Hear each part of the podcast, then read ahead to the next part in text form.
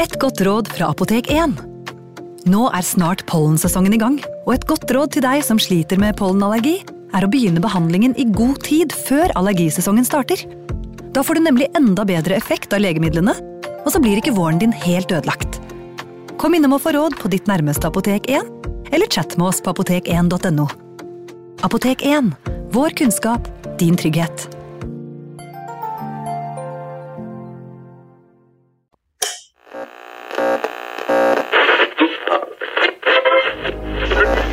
Vi skal gjenta særmeldingen i dag. Nummer én Kjerringa er galen.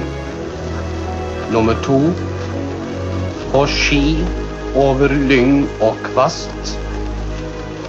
Nummer tre Baklengs inn i aftensangen. Baklengs inn i aftensangen.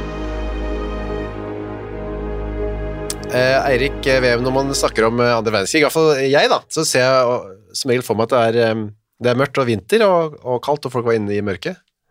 Og så ser jeg for meg at eh, det var veldig sånne klare skiller ja, mellom de slemme og de snille, og de eh, hvite og de svarte, holdt jeg på å si. Ja. Eh, historien i dag eh, motbeviser begge de to eh, fordommene, eller skal vi si, eh, forestillingene vi har, om at det var eh, et tydelig skille mellom de som var på den ene og den andre siden. Alltid, Ja, her glir jo litt i hverandre. for å si det mildt. Mm. Det begynner jo da en sommerdag, da, vi får tro en, eh, jeg vet ikke noe om været, ja, men eh, i hvert fall 2. juni Ja, det er en onsdag, og da 1943. 1943. Da er det en kar som er ute og går eh, tur bort, i, bort på østkanten i Oslo. Og når han skal gå over, eh, over en elv, eh, Markus Tranes gate der, over en bro, så, så ser han at det ligger noe nedi, nedi vannet. Elva da, Akerselva. Det er i Akerselva. Ja, og da ser han vel at det er noe um, som ikke burde ligge der, på en måte. Ja, han lurer først på hva det er, da. Så øh, ved halv fire-tiden så tar han kontakt med politiet. Og da kommer det jo mannskapet både fra kriminalpolitiet og, ordensavdelingen. I Akerselva så er det en litt strøm, så det er i og for seg vanskelig å få den gjenstanden opp. Man ser ikke helt hva det er, men øh, det er, det er ganske stort, og, og de har vel en mistanke om at øh, ja, det kan være noe som de bør, bør få opp. Eh, Det de ser, er at det er det er jo en ganske lang gjenstand som er en eh, ja, halvannen meter, kanskje 1,70-1,80, og det ser jo ut som å være et menneske som er pakka inn i noe, men, eh, men det er vanskelig å se da oppe fra, fra elve- elvekanten her. Og så ser de at det også er en sånn tung jernrist da, som, eh, som er festet til, til det som ligger i vannet. Så, eh, men etter hvert så greier de det, og så får de da, får de da denne gjenstanden opp av, opp av elva. Ja, og det er ikke noe å lure på, det, det er et lik. Det er et lik, og han eh, Eller mennesket har, eh, har Eller menneskekroppen har ligget i vannet ganske lenge. For det er eh, ikke så i og for seg lett å, å kjenne igjen vedkommende. Og så har det da utviklet seg eh, gass inni kroppen, som gjør at den da faktisk har, har beveget på seg ned i vannet, og så da har kommet til, til syne. Og det blir beskrevet som at kroppen er oppblåst, er, er det som står da i, i papirene her. Det har vi jo vært borti tidligere her òg, mm. at uh, nesten uansett hva man binder eh, et lik fast til og slenger det i, i vannet, hvis man ikke har, eh, som du har vært inne på, punktere magesekken, da, som Mm. burde egentlig vært på likvid, altså et, en time om på likvidasjonsskolen. Ja. For det flyter opp igjen, uansett. Ja, det er det det gjør. Hvis ikke du da skjærer et høl i, i magesekken, rett og slett. Som man ikke hadde så lyst til, kanskje, da, for det var jo ekkelt. Ja. I hvert fall har den kommet opp, en vakre Nå gjetter jeg den, da, men det er i hvert fall en lys og lys sommerdag, og da blir det plutselig ganske ekkelt ved Akerselva der. Ja, det er det det, det det blir. Og denne kroppen da er jo pakka inn, det var derfor det var litt vanskelig å se hva det var for noe, um, i, um, i to sekker, hvor én sekk da er tredd nedover hodet og over kroppen på denne personen, og så den andre da over, over føttene og bena, og så er de surra sammen, eller, eller festet på en eller annen måte, sydd sammen eller noe sånt. Og så eh, har man da fått denne jernristen da, for å, som man bandt fast i disse, disse sekkene, og, og lempa da hele denne, denne personen ut i, ut i elva. Jernristen var 170 cm og veide 27 kilo, så det er en ganske solid sak. Ja da, det må ha vært, uh, vært flere om, uh, om den jobben her.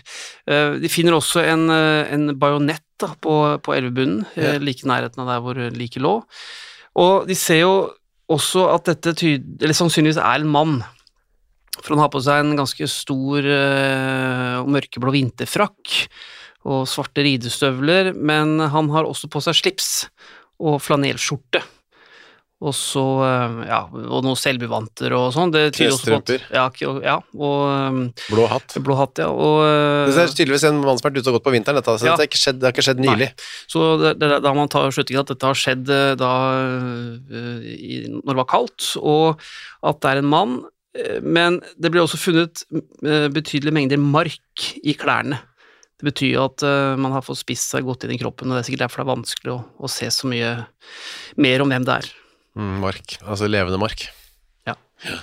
Ja vel, så da er det å få den kroppen inn på eh, Rikshospitalet, hvor den obduseres av Georg Våler, som eh, er et eh, gjennomgangsnavn her. Ja, han er rettsmedisiner, og det er han som, som undersøker mange av, de kroppene som vi har snakka om tidligere også. Han har med seg eh, noen assistenter og en tannlege eh, for da å finne mer ut om hvem dette er. Og allerede nå så er politiet ganske sikre på at dette har vært en, eh, en likvidasjon, fordi man har disse to sekkene da, som er gjort for å, for å skjule eller for å, for å pakke liket inn. Så de regner med at det er en likvidasjon eh, allerede på, på den dagen hvor eh, liket blir, eh, blir oppdaget. Det er ikke noe tvil om at personen er drept, for det er mange, og på flere måter, holdt jeg på å si. Ja det er spor etter flere knivstikk i kroppen, betydelige skader, altså slagskader, og det er også hull i, i kroppen som, som legene tolker som at han da har blitt skutt. Og um, en av disse prosjektilene fra et skytevåpen har gått da inn i magen og, og ut gjennom ryggen, så det har blitt skutt sannsynligvis på ganske, ganske kort hold. Ja. Så ser man også at det, det har vært skåret i det venstre håndleddet, altså man har forsøkt å skjære over pulsåren der, og også oppi halsen, altså ved, over strupen, så er det, er det et, et snitt som eh, man, eh, som man antar har vært eh, fra en kniv, men ingen av disse her var såpass dype at de kunne vært dødelige, så det er mulig man har da forsøkt å drepe den personen på flere måter, og ikke fått det til, og så har man, eh, har man, eh, har man skutt han da til slutt. Og så finner man også at oppe ved neserota så er det et dypt stikksår som, som går et godt stykke inn i hodet. Og det venstre øyet er også delvis ødelagt, eller i og for seg knust. Og så er det også en del slagskader i hodeskallen, så Det er voldsomme greier. ja, men han her har fått eh, gjennomgå ganske, ganske kraftig da, før, før han ble drept, eh, tydeligvis. Ja, så da regner de med, dette er en likvidasjon, de har pakket inn eh, liket, øh, fester det til denne rista da, og dumpa i elven, Akerselva. Ja. Så etter et par dager så finner du ut hvem dette her er. Ja, han er en eh, 25 år gammel mann. Han heter Alf Eugen Gran og, og kom fra Oslo. Og han var jo da bosatt i, i Sveigårds gate 82, og der han hadde i og for seg adressen sin. Er gått på østkanten i Oslo sentrum. Ja. Men um, en grunn kanskje til at man skjønner at det er likvidasjon, ikke et ran, er at man finner så veldig mye i lommen hans. Ja, han har jo både nøkler og noen kjøpekort for fisk og flesk og tobakkskort og um, en del kontanter òg. Han har eh, 151 kroner og 46 øre. Det er ikke så lite det på den Nei, der. det var ikke det, så åpenbart ikke et ran. Bekledningskort, det er sånn for å få jakker og sko og sånn? Ja, og så er det notisblokk her og, og um, En, def også, en defekt kam, står det. ja, og så rasjoneringskort for fett og sukker. Ja. Og ja, Så, Også så litt uh, kuriøs ting i tillegg. Ja, man fant jo også et, eh, et dokument, eller et papir. Det var altså en sånn separasjonsbevilgning. Um, eh, separasjonsbevilgning som viser at han, eh, han eh, høsten 42, altså 1. september, var da faktisk blitt eh, separert fra, fra kona si. Eh, Hildeborg het hun. Så de to skal ha vært enige i dette papiret da, om, å, om å heve det ekteskapelige samliv. De hadde ikke noe barn sammen, men, eh, men var, da, var da blitt skilt. Ja. Så da blir det Han blir identifisert, det er um, Alf Eugen, og avisen noterer, eh, skriver en notis om at det er en, han er død, Mm. uten at de skriver noe om hva som er årsaken. Nei, det kommer ikke noe frem i, i avisen at det var en likvidasjon. De tømmer også den dammen som er rett til da ble funnet, da, som er ved i Jula veveri. Ja, Der hvor um, det ligger der fremdeles, det bygget. Ja. Monster, blant annet, eh, som eh, jeg har jobba i flere år, ligger jo der det er nå. Rett utafor der er det. Ja, stemmer. Og de ville jo tømme eh, Eller se ordentlig om det var, var flere lik i denne dammen Mm. ved tekstilfabrikken der. Det var det ikke. Nei, de fant ingen flere lik. Så prøver man da, ok, hvem var nå denne, og det er politiet da selvfølgelig, hvem var denne Auf, uh, Auf, uh, Alf Eugen Gran? Ja. Nei, de finner ut at han, eh, han var egentlig utdannet tømrer, men så dro han til sjøs som eh, 18-åring, det var da i 1935, og, og jobba om bord på et frakteskip. Så kom han tilbake til Norge etter hvert, og fikk da jobb nede på Nylands verksted i Bjørvika, Oslo, hvor han, eh, hvor han jobbet som eh, bedding- og dokkarbeider, er det som står da på, på skipsverftet der. Det, ingen av de tingene der skulle tilsi noen sånn veldig grunn til å ta livet av han, på en måte. Nei, det, man fant ikke noe så, no- noen spor etter en eh, forklaring da, på, på en likvidasjon så, så tidlig etter etterforskningen. Men en av de som er engasjert i denne etterforskningen, er eh, Hun jobber for det tyske sikkerhetspolitiet, men hun er jo egentlig altså hun er jo norsk statsborger blitt, kanskje? Ja, hun gifta seg med en nordmann og bosatte seg på Lillestrøm. Hun kom jo til Norge i 1926. Gjerterud Lisbeth Tielekke Karlsen het hun. Hun kom jo egentlig fra en by eh, litt sørvest for Berlin, men hadde altså bodd i Norge i mange år. og Var gift med en, eh, en ti år eldre nordmann som het Sivert Karlsen, men som da etter hvert ble, ble skilt fra, og fikk da jobb som tolk for det tyske sikkerhetspolitiet, og, altså Gestapo, avdeling 4. Men så gjorde hun øh, tydeligvis øh, godt inntrykk, da. Ja, hun fikk, eh, fikk forfremmelse og ble kriminaloberassistent. Og eh, Det kan ikke ha vært mange andre kvinner i den stillingen eh, i Norge i det hele tatt på den tida der. Nei, hun, eh, hun må tydeligvis ha, ha hatt evner, fordi stort sett så jobbet jo kvinner som assistenter og Sekretærer. sekretærer og sånn, eh, men du hadde noen få som, som fikk eh, være en del av etterforskningen, og, hun var da altså en av dem. Gertrud Lisbeth, eh, hun er sikker på at det er den kommunistiske delen av motstandsbevegelsen som har likvidert Alf Eugen, Mm. og får også støtte fra det, til det av en kollega.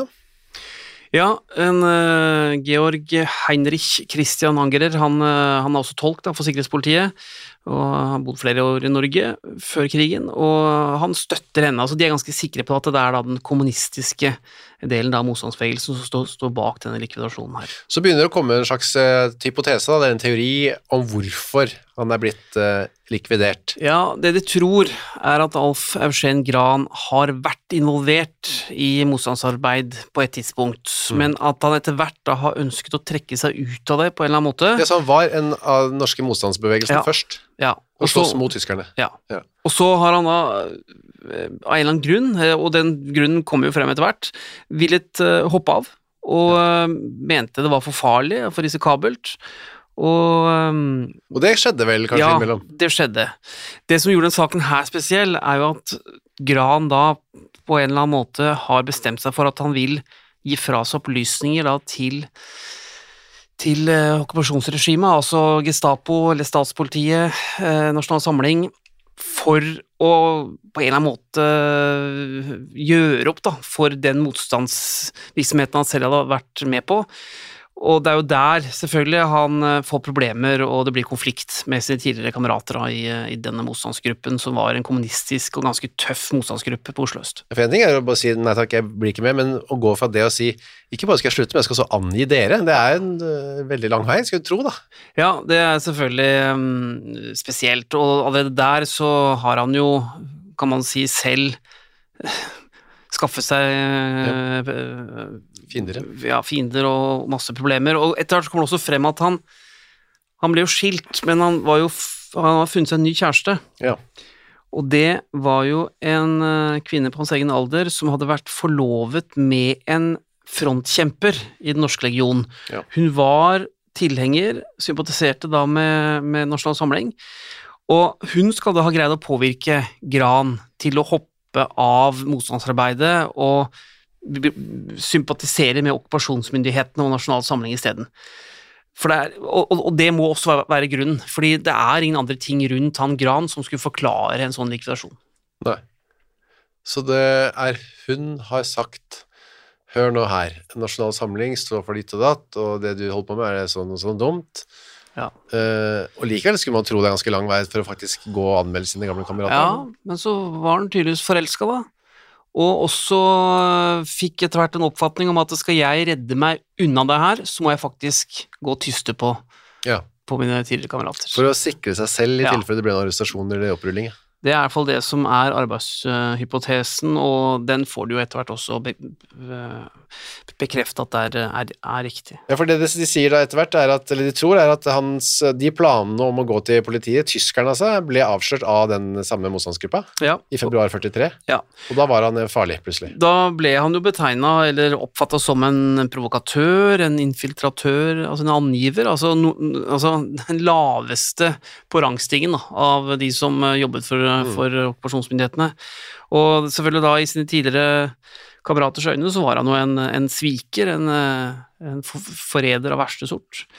Så eh, Og en farlig en. ja, han utgjorde en betydelig sikkerhetsrisiko, for han har tydeligvis da visst en del ting Mm.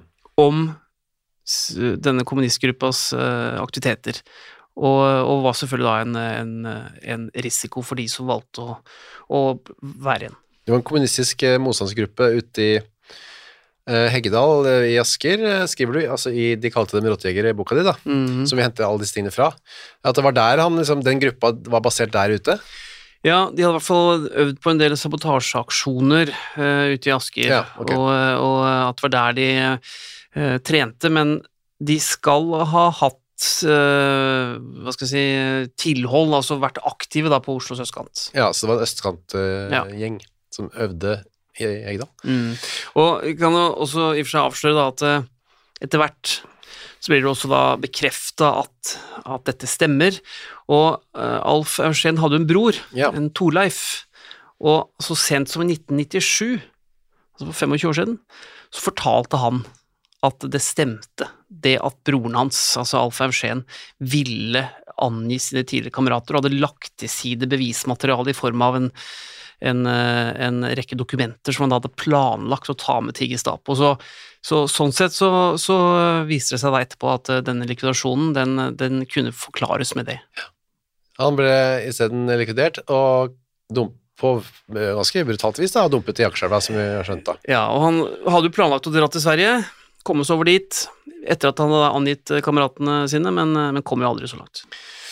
Men så, eh, hvem det var, det brukte man eh, mange år på å finne ut av. Vi kom jo til det, da. Ja, altså han som tok livet av Alf Eugen Gran, ja. Ja. Eh, Det, det, det kom jo frem etter hvert. Men uh, dette var også veld, veldig vanskelig å komme til bunns i, og det er først faktisk i den boka her da, at uh, det blir uh, Han blir identifisert Ja. eh, til det fulle. Da. Ja, så det er ikke gjort før det, nei. Nei, altså det har vært antydninger, og flere har visst, Mm. Men eh, det er jo her han blir identifisert. Ja, vi kommer til det, da. Ja, det gjør det. Um, de, politietterforskningen, om de ikke fant ut akkurat hvem det var, så jobba de jo med å finne ut hvem uh, han hadde jobbet uh, sammen med.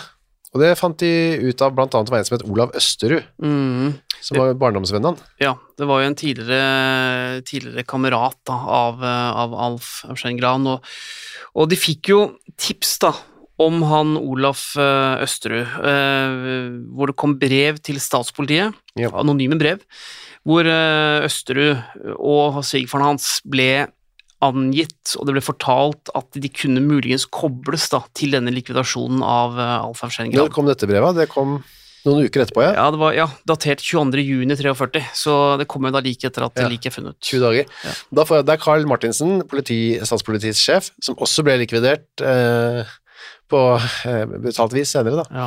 eh, hvor det står da eh, Olav Østerud eh, og svigerfaren hans eh, hadde noe med Alf Schengran. Det var noe med dem. Mm. Eh, og så var det også andre opplysninger om eh, Østerud var knytta til illegal virksomhet. Da. ja, og dette er jo gode tips for, eh, for det tyske sikkerhetspolitiet, for gjennom den videre etterforskningen så finner du da ut at Alf Eugen Gran og Olaf Østerud begge har vært involvert da i det samme illegale miljøet.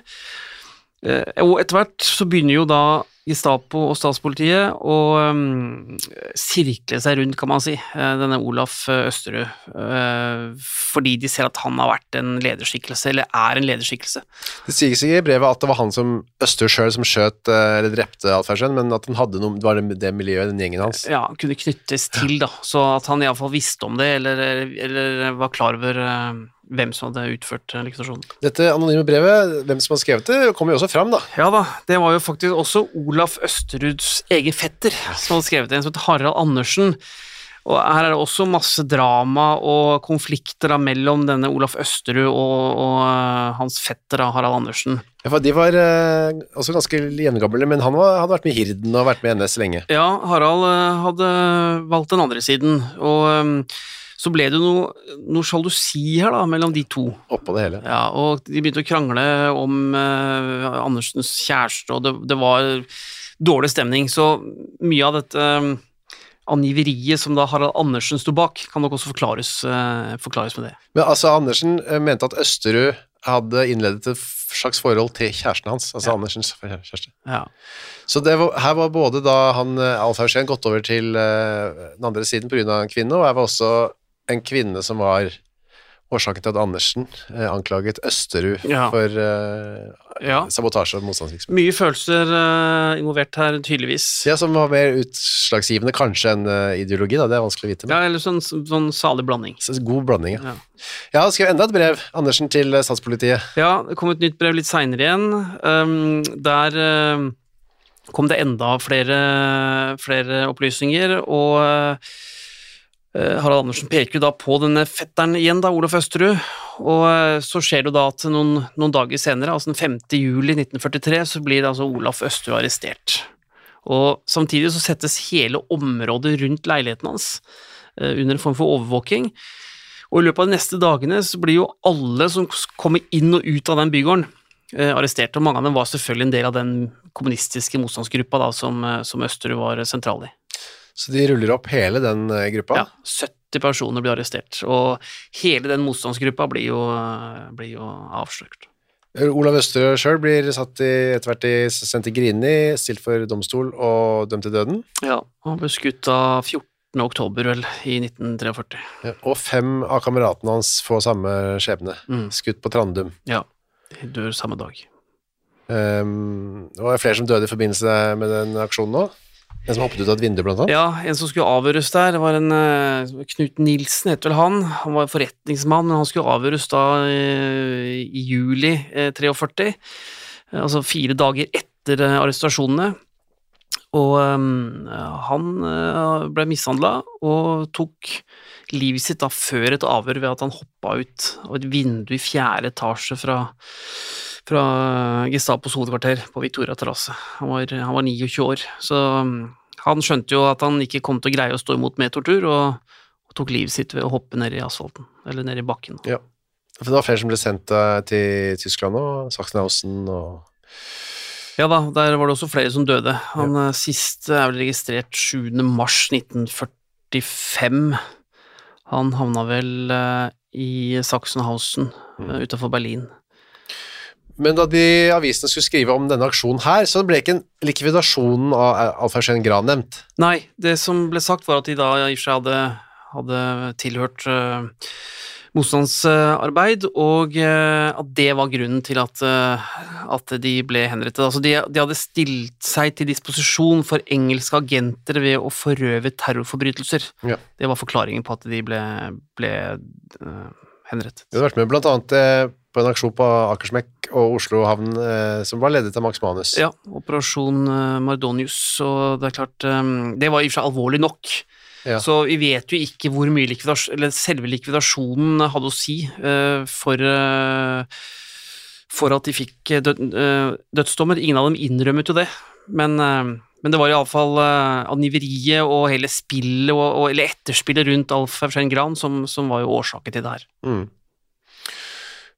Så var det hvem som hadde drept han, da. Det, den liksom, hele likvidasjonen og alt det ble litt borte rett etter frigjøringen i 45. Ja, da ble alle disse sakene lagt bort, og det ble jo ikke etterforsket noe, noe mer. og Alf Eugen Gran han ble stående da på en, en oversikt over likviderte angivere, Og så ble det jo ikke gjort noe med den saken eh, gjennom de første etterkrigsårene for å finne ut egentlig hva som hadde skjedd med ham. Først i 1951 så kommer det opp eh, noen opplysninger som, eh, som altså peker på en bestemt person som kan da knyttes til, eh, til likvidasjonen. Og da, da forsøker jo forsvareren da, til denne Harald Andersen, Olaf Østeruds fetter, å få gjenopptatt saken hans. Av brevskriveren. Brevskriveren, ja. Og um, For han hadde blitt dømt, uh, fått ganske streng dom, han Ja. eh, Andersen. han fikk vel tolv år uh, i Eidsivating lagmannsrett. Blant annet for den, uh, den anonyme angiveriet der. Da. Ja, eller de eh, brevene. Brevene, ja. Ja, så han fikk tolv år, og så ville forsvareren og han da, at den skulle gjøres uh, mildere, den dommen. Ja, og det ble faktisk skjerpa av Høyesterett, men da peker jo denne forsvarsadvokaten, da, øh, Adam Hjort, Ja. høyesterettsadvokat, han peker da på en ny person som mener at hele saken vil stilles i et nytt lys, Mm. og at det er han som er også ansvarlig for, øh, for likvidasjonen av øh, Alfa Skien Gran. Og hvem var dette nye, spennende mennesket?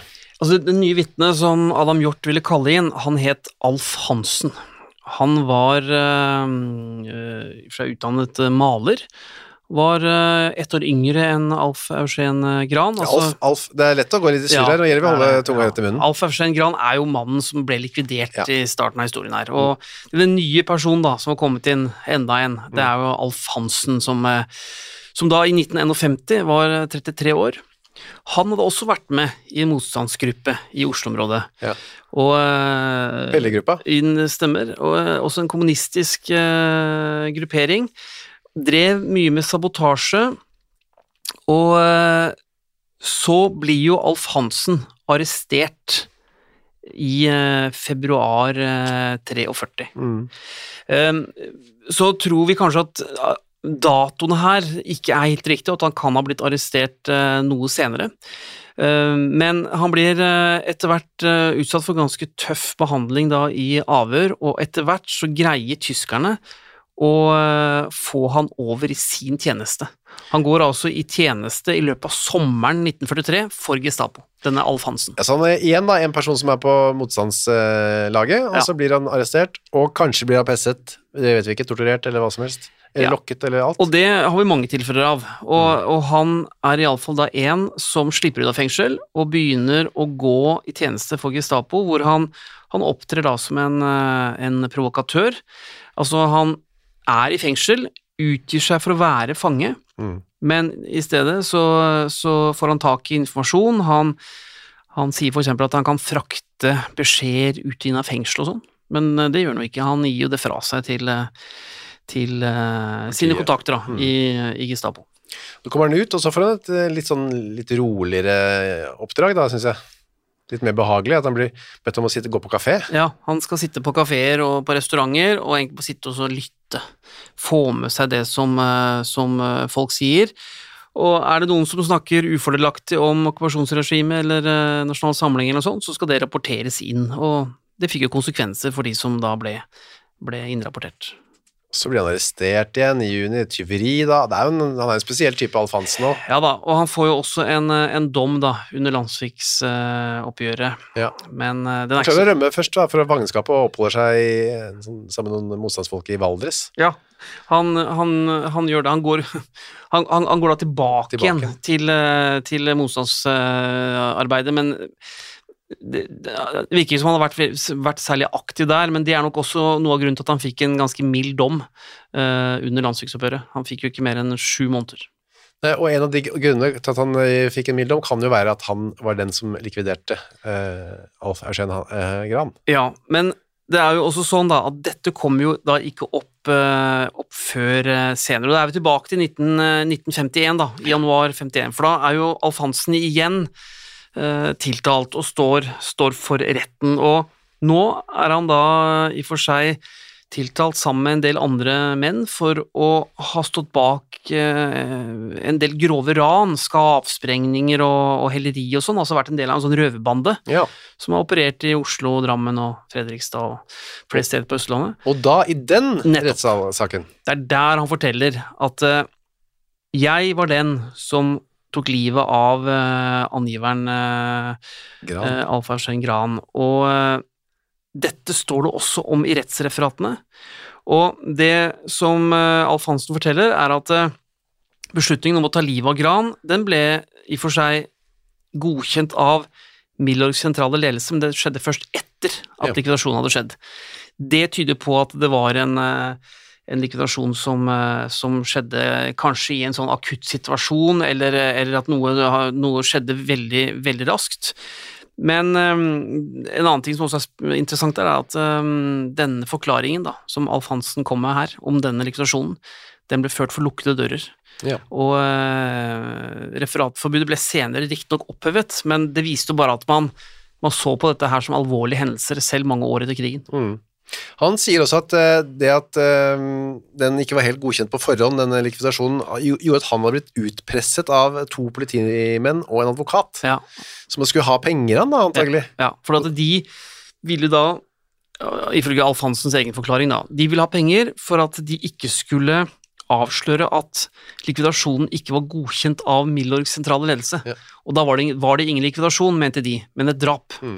Og da kunne i og for seg Alf Hansen bli dømt for det, eh, selv etter krigen. Og det var årsaken til at han drev holdt på med den der røverbanden og stjal og holdt på. Ja, noe av det iallfall. Det, dette vet vi ikke vi er, eh, om det er sant eller ikke, men det er vel ikke så sannsynlig at han Usannsynlig at han Eller det er ikke sannsynlig at han ville løyet om at det var han som likviderte eh, Alf Haugen, hvis det ikke var han. Nei, altså Han kunne jo fått problemer hvis det var stilt eh, Eller det, ble reist tvil om, eh, om, om, det, om det var godkjent, for da kunne han faktisk blitt, eh, blitt tiltalt for, for drap. Men, men hele denne likvidasjonen, den er, som lytteren sikkert har fått med seg, ganske kaotisk.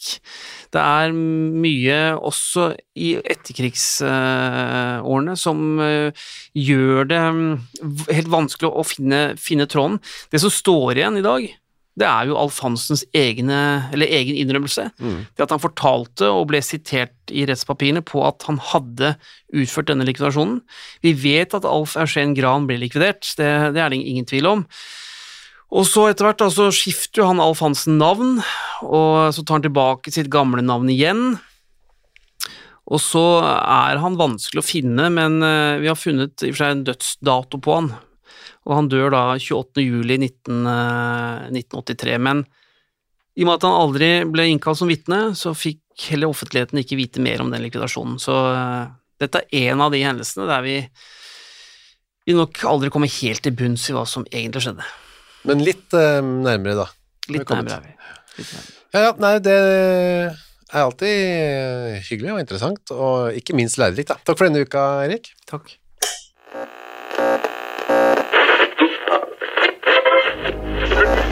Vi skal gjenta særmeldingen i dag. Nummer én Kjerringa er galen. Nummer to På ski over lyng og kvast. Nummer tre Baklengs inn i aftensangen. Baklengs inn i aftensangen.